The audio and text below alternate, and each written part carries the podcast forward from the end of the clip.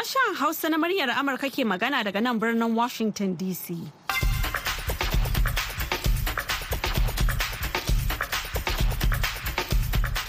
Jama'a masu sauraro Assalamu alaikum barkamu da wannan lokaci. Yanzu ma Maryam Dauda ce tare da Baba Yakubu Makeri da sauran abokan aiki muka sake dawo muku da wani sabon shirin a yau Laraba 8 ga watan Fabrairu na shekarar 2023. A cikin shirin namu na yanzu za ku ji hirar da muryar Amurka ta yi da wani ɗan Najeriya mazaunin jihar Ohio a nan Amurka kuma masani a harkokin siyasa. A kan jawabin da shugaban Amurka Joe Biden ya yi a daren jiya talata game da halin da ƙasa ke ciki. Inda ya mai da hankali akan manufofinsa na tattalin arziki tare da yin kira ga 'yan jam'iyyar Republican da su ba da haɗin kai don ciyar da ƙasar gaba. Kamar yadda muka saba a kowace ranar Laraba a wannan lokacin, yau ma muna nan tafa da shirin ciwon mace wanda Aisha Ma'aza ta shirya za ta kuma gabatar da ma sharhin jaridu daga ƙasar Kamaru. Amma yanzu dai sai a gyara zama a sauraron labaran duniya kashi na farko. Assalamu alaikum jama'a ga cikakkun labaran duniya mai karantawa baba ya kuma kiri. Shugaban amurka joe biden ya faɗa a jiya talata cewa labarin amurka labari ne na ci gaba da jajircewa yayin da yake jawabi akan halin da ƙasa ke ciki wanda ya bai da hankali akan manufofin tattalin arziki na cikin gida. Kane kira ga 'yan jam'iyyar republican masu adawa da su yi aiki tare. Sai dai gwamnan jihar arkansas sarah huckabee sanders ta jam'iyyar republican ta mayar da martani a madadin jam'iyyarta akan jawabin da biden ya yi daga ƙasar lafazi inda bayananta suka bayyana akasin kalaman na biden yayin da ta caccaki shugaban ƙasar. Malam garba suleiman wani dan najeriya ne mazaunin jihar boston mai fashin baki akan harkokin yau da kullum ya mana tsokaci akan martanin nata. ta maganan yadda ainihin gwamnatin Joe Biden ta ta yi ma wato tsofaffin sojoji rikon tsakanin kashi wanda yake a ciki saboda abubuwan da kan damun su suna wato halaka kansu saboda aici da damuwa da kamar rashin ko kula da gwamnatin ita Joe Biden take. Bayan wannan ta yi maganan ta caccake shi akan security na kasan ma. Wannan ishu ne babba wanda ta yi magana a kai. Har ya zamana su 'yan republican a wannan wuri sun goyi bayanta akan abubuwan da ta faɗi. Sannan ta yi magana akan wato tsadar rayuwa a ƙasar nan wanda yake shi kuma joe biden ya yi bayanin cewa wato sun shiga wani hali ne na halin haƙula'i wanda yake duk duniya ne kamar global a yadda ya yi bayani. Kuma ya nuna cewa yadda yake ta bayani ya nuna akwai kyakkyawan fahimta dangantaka wato relationship din su republican da democrat yadda suka nuna goyon baya abubuwa da yawa ana fasin nashi kamar bills in an kawo domin a makasa aiki a tsira tare a faɗi tare. Ba tare da duba wannan ɗan republican ba ne a wannan ɗan democrat ba ne saboda a ƙasa aiki gaba ɗaya. Malam Garba Suleiman kenan ɗan Najeriya mazaunin Boston mai fashin baki akan harkokin yau da kullum. Masu aiki ceto a ƙasar Turkiya da Siriya sun sha gwagwarmaya da tsananin sanyi da safe yau Laraba a ƙoƙarin da suke yi na kuɓutar da mutane da suka makale a cikin buraguzan gine-gine da suka rushe sakamakon wata gagarumin girgizar ƙasa da ta afkawa yankin a ranar Litinin. Kana ta yi sanadiyar mutuwar mutane sama da dubu bakwai da ɗari bakwai. Bayan wani sanyi da aka tafka a cikin dare da ya zo da kankara har yau ana samun rububin girgiza wadda bayan wadda ta kai ƙarfin maki 7.8 sama da ƙananan girgiza 20 ne aka kiyasta sun kai ƙarfin maki 4 ko fiye da haka. Suna girgiza yankin har kan iyakan ƙasashen biyu. Babban daraktan hukumar kiwon lafiya ta duniya ta who tedros adhanom ghebreyesus ya bayyana goyon bayansa ga mutanen turkiya da siriya a wannan lokaci na jimami. Kane ya ce adadin rayuka da suka salwanta bai nuna tsananin bakin ciki da kuma asarar da iyalai suka yi ba kamar waɗanda suka rasa uwa da uba ko ya ko kuma ɗa wanda suka makale a cikin buraguzai da ma waɗanda ba su da tabbas akan ko 'yan uwansu suna nan a raye ko kuma sun mutu. Da yake jawabi a wani taron who a birnin geneva tedros ya ce hukumarsa ta tura jirgi ɗauke da kayan magunguna zuwa ƙasashen biyu kuma za su yi aiki domin taimakawa farfadowa da kuma sake gina ƙasashen.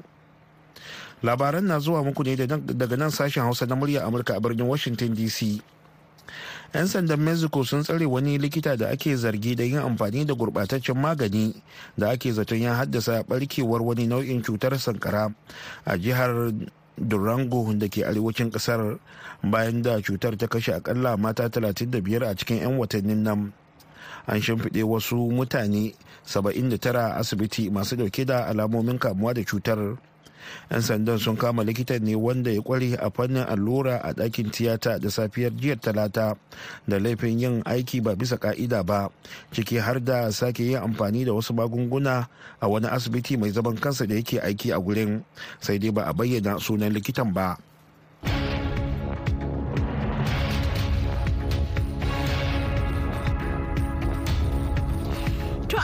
Kaɗan za mu kawo muku ƙarashin labaran duniyar amma yanzu bari mu leƙa ɓangaren rahotanninmu. Kamar yadda kuka ji a labaran duniya shugaban Amurka Joe Biden ya yi jawabi karo na biyu akan halin da ƙasa ke ciki inda ya yaba da nasarorin da ya samu tare da goyon bayan 'yan majalisar dokokin ƙasar da kuma manufofinsa ya nanata ci gaban da ya samu musamman ta fannin tattalin arziki. Na tattauna da Aminu Yakubu Lame masanin harkokin siyasa kuma tsohon jami'i a gwamnatin jihar Ohio da ke nan Amurka game da jawabin Biden ga abin da ya ce. Biden mutum ne ɗan siyasa ya kusan ya yi shekara da shekaru yana siyasa saboda haka ya san ciki da wajen yadda al'amura yake a nan wato a majalisar tarayya da kuma majalisar dattawa din ba gaskiya ya yi bayani ya kamata kuma ya yi ƙoƙari kuma ya zama ya zance ya ladabta 'yan republicans. Tun da dada ne za su tun da su zauna suna ihu ba su yarda da shi ba amma yanzu kin ga ya yi magana da wanda ya tattaro kansu kan abin da suke kuka suna so sai ya faɗa za su yi ya yadda akan cewa za su akan su zo su zauna su yi shawara saboda haka siyasa take tafiya. Ya tambaye su ana a gaban duniya a gaban talabijin da americans sun yadda za a yi hakan suna tafi. Don saboda kin ga ba za su dawo kuma daga wasu ce sun kiyar da ba. Ana gani kamar 'yan Republicans sun gamsu da yawancin bayanin da Biden ya yi kenan. To, abin da muka gani yanzu dai sun gamsu da shi din. Tun da kin ga ba wanda ya nuna cewa rashin gamsuwa da shi wanda mutum mutum ɗaya wato Magic Green ita ma da ta gawun ya fara da ta koma ta zauna. Ita ta fara ihu, ta ga kyamara yana kanta ta koma ta zauna. Kuma kamar shi wato kakakin majalisar tarayya din Kevin McCarthy ainihin mutane suka lura yana neman hana su ihun da suke yi. Ya rasa yadda zai ne da su. Mariya taƙaice jawabi ne mai kyau bisa ga jawabi irin na 'yan siyasa wadda na saba da gani wato a shugabannin amerika. A tsawon jawabin da ya yi wani abu ne ya fi jan hankali ko ku waɗanne abubuwa ne suka fi jan hankalin jama'a? To, wannan kin san ya danganci wasu jama'a ake tambaya. Kin ga na farko ba taɓa tsammani wato zai samu wato nasara kan abin da ya ba shekara biyu. Kamar me kenan? Duk da abubuwan da suka faru. Kamar kirkiro da wato tattalin arzikin ƙasar. A kin ga ana gama COVID ɗin nan ya zo ya shigo. COVID din bai gama ba. Duk da COVID din kusan ya rufe ƙasar. Ya zo ya yanzu kirkiro aikin da yake yi a ayyuka miliyan goma a shekara biyu wanda ba taɓa samun mutum da irin wannan ba. Kuma wato indicators da suke nuna wato wannan alamomi da suke nuna cewa rashin aiki da shauransu mutanen da ba su aiki yanzu ya sauka ƙasa wanda ba taɓa samun ƙarancin haka ba kusan shekaru hamsin da ya wuce a cikin shekaru hamsin da baya. Da ya faɗa tare da 'yan Republicans sun yayi suka samu wannan. Kamar wato wannan bill ɗin na infrastructure wanda za su bi ne suna gyara hanyoyi da kuma irin kamar ma wasu kera wannan chips wato na'urorin da ke sa mota ake amfani da shi a mota. Da wayoyi da sauran na'urori. In ga da daga China ake kawo to ya zama da cewa da COVID ya zo sai ya zama da abin ya zama da matsala. Wato kamfanoni sun rufe ba a samu a abubuwa daga china saboda ko da jiragen ruwa ba su samu suna tafiya sosai da kin ga yanzu ya samu aka shekara mai da ya wuce a nan ne a nan jihar mu na ohio suka buɗe wato yanzu suke gina kamfanin da za su rinka yi din To bayan waɗannan abubuwan ta fannin tattalin arziki akwai kuma batun hauhawar farashin kayayyaki wanda kusan ƙasashen duniya baki ɗaya ke fuskanta a yanzu. Ya kake ganin 'yan ƙasa suka karɓi bayanin da ya yi? ina da za su karɓa saboda in kin ga wato in akwai masu wato masu duba harkokin wato tattalin ƙasa za su ga cewa wato tsadar abubuwan nan da amerika ya dan fara saukowa.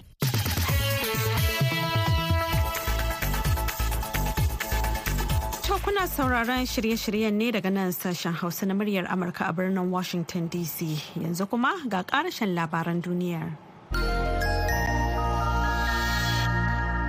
An kashe akalla mutane 38 kana sama da wasu 130 suka jikata.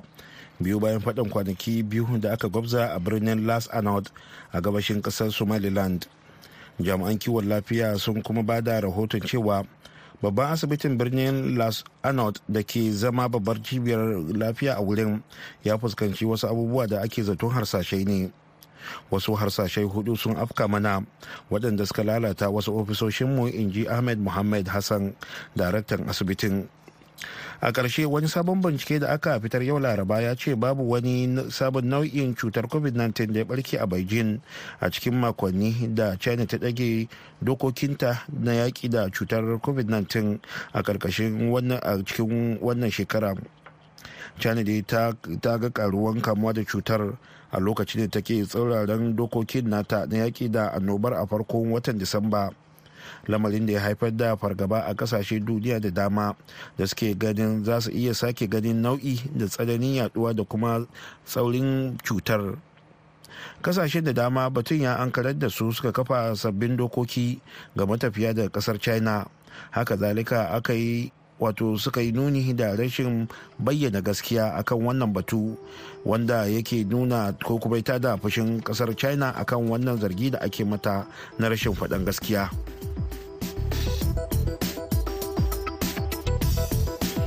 Labaran duniya kuka saurara daga nan sashen hausa na muryar amurka a birnin washington dc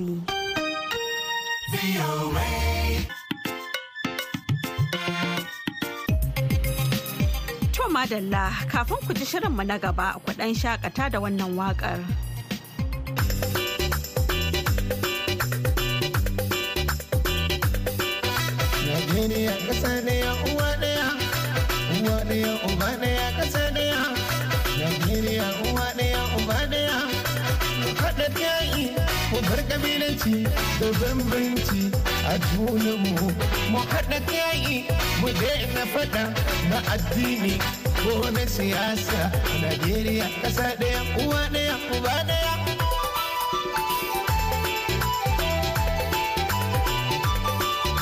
Da Hausa da Yarba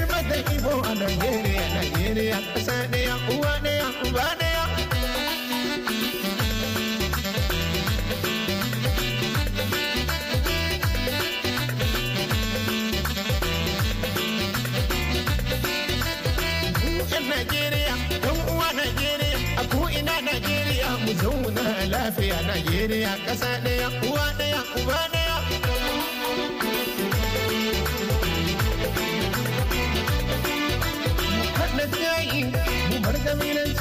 Da bambanci Najeriya ƙasa ɗaya, uwa ɗaya, uba ɗaya.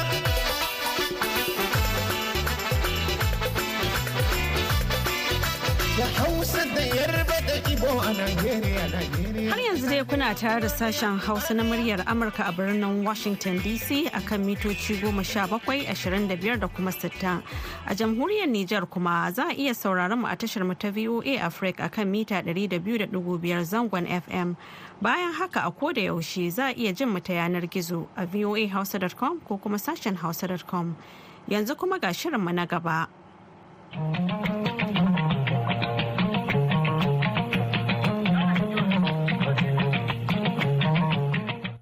Assalamu alaikum mai sauraro, barka da hantsin wannan rana, kuma barka da kasancewa da ni Aisha Mu'azu a cikin shirin ciwon ya mace da nan sashen Hausa na muryar Amurka.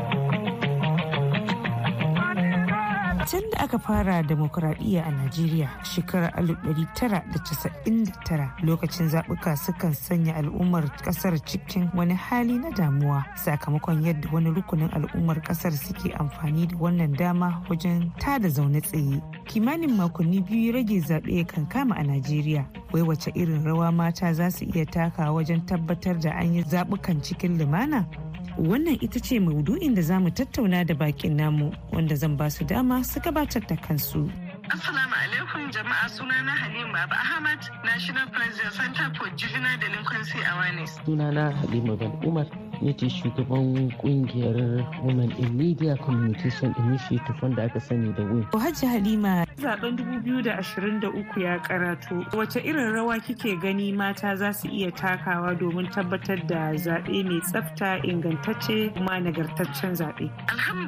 Alhamdulillahi gaskiya mata bana ba ma bana ba ko da yaushe muna ƙoƙari sai dai kuma akan dan samu akasi ne. Amma wannan shekaran kan gaskiya mata mun jajirce sosai. Muna ta ƙoƙari kuma muna ta ƙoƙarin faɗakar da mutane yan uwanmu kamar yanzu ina da NGO muna faɗakar da mata akan yadda za su yi ƙoƙari su ba da nasu gudumawa daga cikin gida har zuwa wajen zaɓe. Tabbatar an yi zaɓen nan lafiya kuma an gama lafiya kuma muna kwaɗaita musu cewa lalle kowa ya fita ya zaɓi gwanin sa amma mun roƙe su don Allah duk wanda da a zaɓa ko an ba mu mace kuɗi ta karɓi kuɗin ta ci abinci idan ta je dangwalawa ta dangwala mu wanda take ganin zai mata adalci insha Allah To Hajiya bin Umar akwai rawa da mata za su taka sosai a wannan zaɓen mai karatuwa da izinin Allah. Na farko dai kamar yadda kika ce mu iyaye ne kuma akwai nauyi a kanmu na lalle mu wa 'ya'yayenmu magana saboda kin ga duk dai wani banga siyasa da matasa ke yi. Kuma yawanci za ki ga masu yin takara mazaje musamman su suke hayo su su zo su musu banga siyasa. To haƙƙin iyaye ne mata har da mazan ma lalle mu yi wa 'ya'yanmu magana mu kuma nuna musu illar shiga wajen tashe-tashen hankali lokacin zaɓe.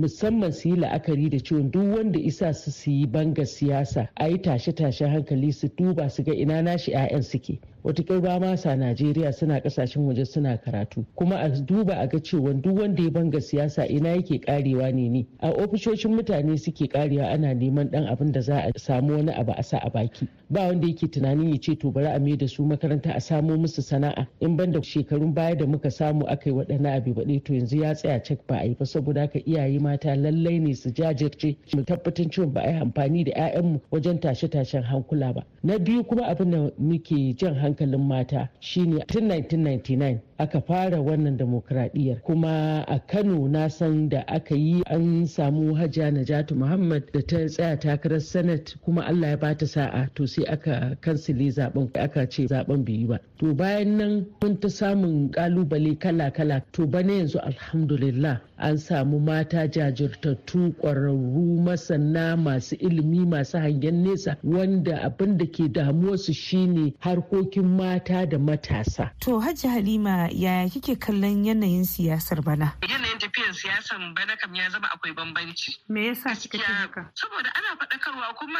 gaskiya tsanani ya ƙara samu mun ƙara fahimtar rayuwa. Mun fara sanin masu sanmu da masu ƙimu da wanda su mana zaƙin baki da sauransu haka. Tunda yanzu lokaci ya fara wucewa wanda da a zo a ce kaza da ba a yi bibiya da sauransu ba daga ciki aikin da muke muna faɗakar da al'umma ba ma mata kaɗai ba duka al'umma kowa ya fahimci cewa ba wai kuɗin da za a baka shine ba. A'a mu gani a ƙasa mu gani a ƙasa shine babban mutuncin mu kuma shine kiman mu za mu kare kiman mu da kanmu. Dan ba kuɗi muke buƙata ba muna buƙatar mu ga aiki a ƙasa ne. In muka ga aiki a ƙasa kuma inda za a kashe mana kuɗin mu duk ɗan ƙasa na da hakkin da zai san cewa ga kuɗin da aka bashi kasansa na budget ga abin da aka yi da shi sanata ko kuma res ko ma wane ne ko gwamnan gari insha Allah ko da ke yanzu da abubuwan muke so mu ga ya ƙara ƙarfi sosai. Dama alhamdulillah ana samun wannan. Dan ki gani da kaban shekarun ma da suka wuce ba a town hall meeting to yanzu ko gaskiya hankalin kowa ya koma kai. A sannan ne kadai muke da ikon mu ba da priority list din mu kuma project din da muka ba da ayyukan da kuke so? Da ayyukan da muke so mu tabbatar an mana kuma kuɗin da aka karɓa na harajin mu na yan kasuwan mu su ma su tabbatar idan ya tafi in aka zo musu aiki capital din zai tafi yadda ya kamata. Ba a tura shi wani gefen kuma a yi wani alma da hana da shi ba.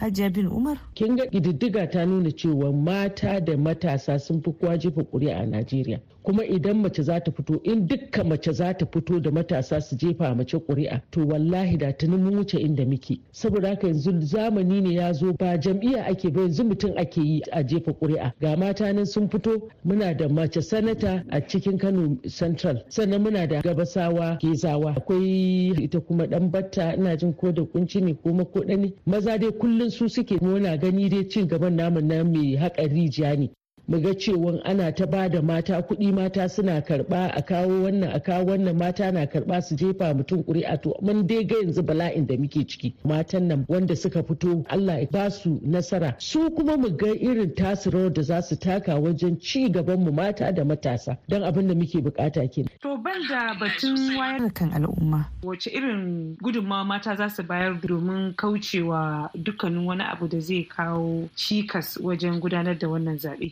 Iyakacin ƙoƙarin mu ko kuma mu ma iyakacin ƙoƙarin mu wajen faɗakar da mata kan yadda za a samu samun daman cin moriyar demokaradiyya a cikin abubuwan da muke fahimtar da su har da ire-iren waɗannan abubuwa. Saboda kuma mun gaji da yadda ake yi a yi abin da ake so. Mun yi ƙoƙari mun wayar da kan iyayenmu mata da ƴan uwanmu da ƙannenmu da kuma kowanne wanda ta zama mace ce mu fahimci cewa duk wannan abubuwan da ake amfani da yaran mu a gurɓata mana su bayan zaɓe a bar mu da damuwa zo ƴaƴan masu zama mana bala'i yi ƙoƙari duk wannan Allah ya taimake mu an fahimci yanayin abubuwan yake. So kuma kin san dama matsalar shi ne idan abu ya ɓaci gyaran shi zai ɗauki lokaci ba kamar ɓacin sa ba ne amma yanzu alhamdulillah akwai fahimta a tsakanin mu mata fiye da yadda ake zato. Saboda gaskiya muna gani akwai wayanda mazajen su sun mutu da yawa sun zama marasa maza amma kuma mazan su ma mutuwa suka yi. Da irin wannan abubuwan da yake ja irin wannan abubuwan. Shi yasa ma muka ƙara himma saboda yanayin inda ake duba zaɓen nan ake ganin shi. Mu abin da muke buƙata a ƙasar nan zaman lafiya zaɓe kuma mai adalci. Ki maganan haɗin kai tsakanin mata wannan shine kuma zai kai ni ka tambaya na na gaba. Idan muka yi la'akari da yadda ake zaɓe a Najeriya za ki ga yawanci mutane suna yin jam'iyya ne ba wai ɗan takara ba. Sannan la'akari da rashin 'yan takara mata za ki ga wasu jam'iyyu sun fi samun 'yan takara. Eh to kin san wani lokaci abin idan aka fara ba za a matsa ma mutane da yawa ba saboda kar su ga kamar an kai su makura ko kuma an takura musu da yawa. Wannan muna ta ƙoƙarin mutane su fahimta ba jam'iyya za a yi ba mutum za a yi. Kowa ma yana da burin ya ga cewa an yi angule da kan zago saboda idan har akwai angule da kan zagon ko to za a samu competition da a samu gasa sosai. Amma aka ce duka an bi maganan wai a zaɓi fati guda ɗaya ne wannan ba zai kai mu ba. Kuma ana roƙon Allah ne ya kai mu zaɓen nan da rai da lafiya. Kowa ya gwada bajintansa ba yanda 'yan siyasa suke so su yi amfani da wani ƙarfin mulkin su ko wani abin da suke so a samu wannan ba.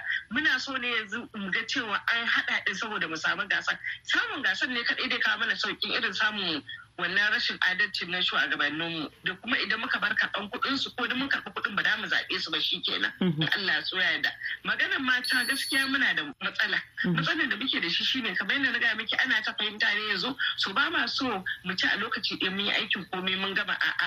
Yanzu dai tun Allah ya fara taimako mun fara gano wasu gaɓoɓin da za mu gyara akan aka fara gyara akan kuma an yi riga da an yarda da wannan din a cikin al'umma. Hajiya bin Umar wani irin tasiri ƙungiyoyin mata za su iya yi wajen cimma nasarar zaɓen nan. Kin ga ƙungiyoyin mata suna da tasiri ƙwarai kuma zan ce ba ma ƙungiyoyin mata din ba kawai saboda duk nasarar da mace za ta samu ko muna so ko ba ma so dole muna buƙatar maza tare da mu mazajenmu iyayenmu 'ya'yanmu ƙannenmu yayyenmu to a duk sanda kika ga akwai ƙungiyoyin mata kamar kin gani yanzu kungiyata ta mata ce amma kuma duk abin da za mu muna haɗaka muna haɗowa da mazan saboda duk abin da ka haɗa da namijin yana da tasiri saboda goyon baya muke nema. Idan muka ce mu mata ne duka mu kaɗai za mu ba wai ba za mu iya ba amma duk abin da kake kana son kowa zama ne yana da ruwa da tsaki a ciki. Saboda haka kungiyoyi da yawa in kika duba kusa in ce a arewa ma gaba ɗaya akwai kungiyoyi da yawa har na mazan da zaki ga su dama ci gaban matan suke yiwa kuma suna aiki tare da mu.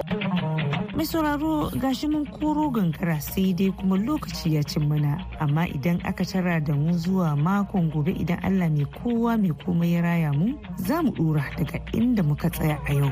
Yanzu a madadin lokacin ma'aikatan sashen Hausa na muryar Amurka. da bakin namu sai wanda ya daidaita mana sauti solomon abu ni aisha mu'azu nake cewa mu wani lafiya madalla a gaida aisha ma'azu. To yanzu kuma ga sharhin jaridan ƙasar kamaru.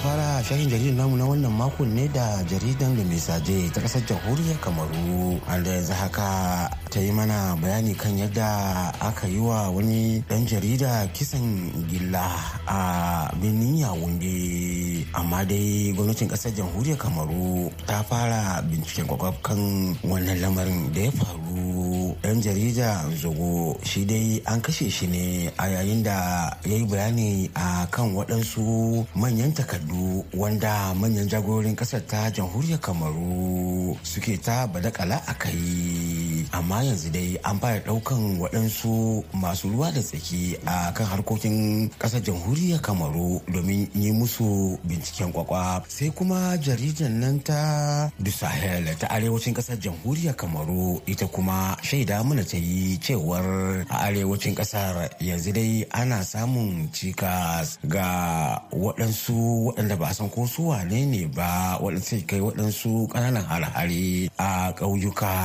da kuma kan hanyoyi da take bulla ƙasar tarayyar najeriya da kuma ƙasar jamhuriyar chadi. Sai kuma jaridan del west ta ƙasar jamhuriyar kamaru. Ita ma ta yi mana bayani ne kan yadda gwamnatin ƙasar jamhuriyar kamaru take hoɓɓasa wajen gyara hanyoyi da kuma yi musu kuskure ma har ma da gina waɗansu sababbi domin cimma burinta. Na yadda gwamnatin shugaba biya ta ɗauki alkawarin cewar za ta yi a wannan shekarar ta 2023 sai kuma jaridar kalara an da ita kuma ta yaba wa shugaban ƙasar jamhuriyar kamaru wajen yadda ya ce a yi binciken kwakwa kan harkar da aka kashe wani ɗan jarida wanda ya bayyana waɗansu takardu na manyan jagorin ƙasar jamhuriyar kamaru anda suke badakala da kuɗaɗen ƙasar da kuma yadda suke ta ƙoƙari na ganin cewar sun durkusar da tattalin arzikin ƙasar jamhuriyar kamaru.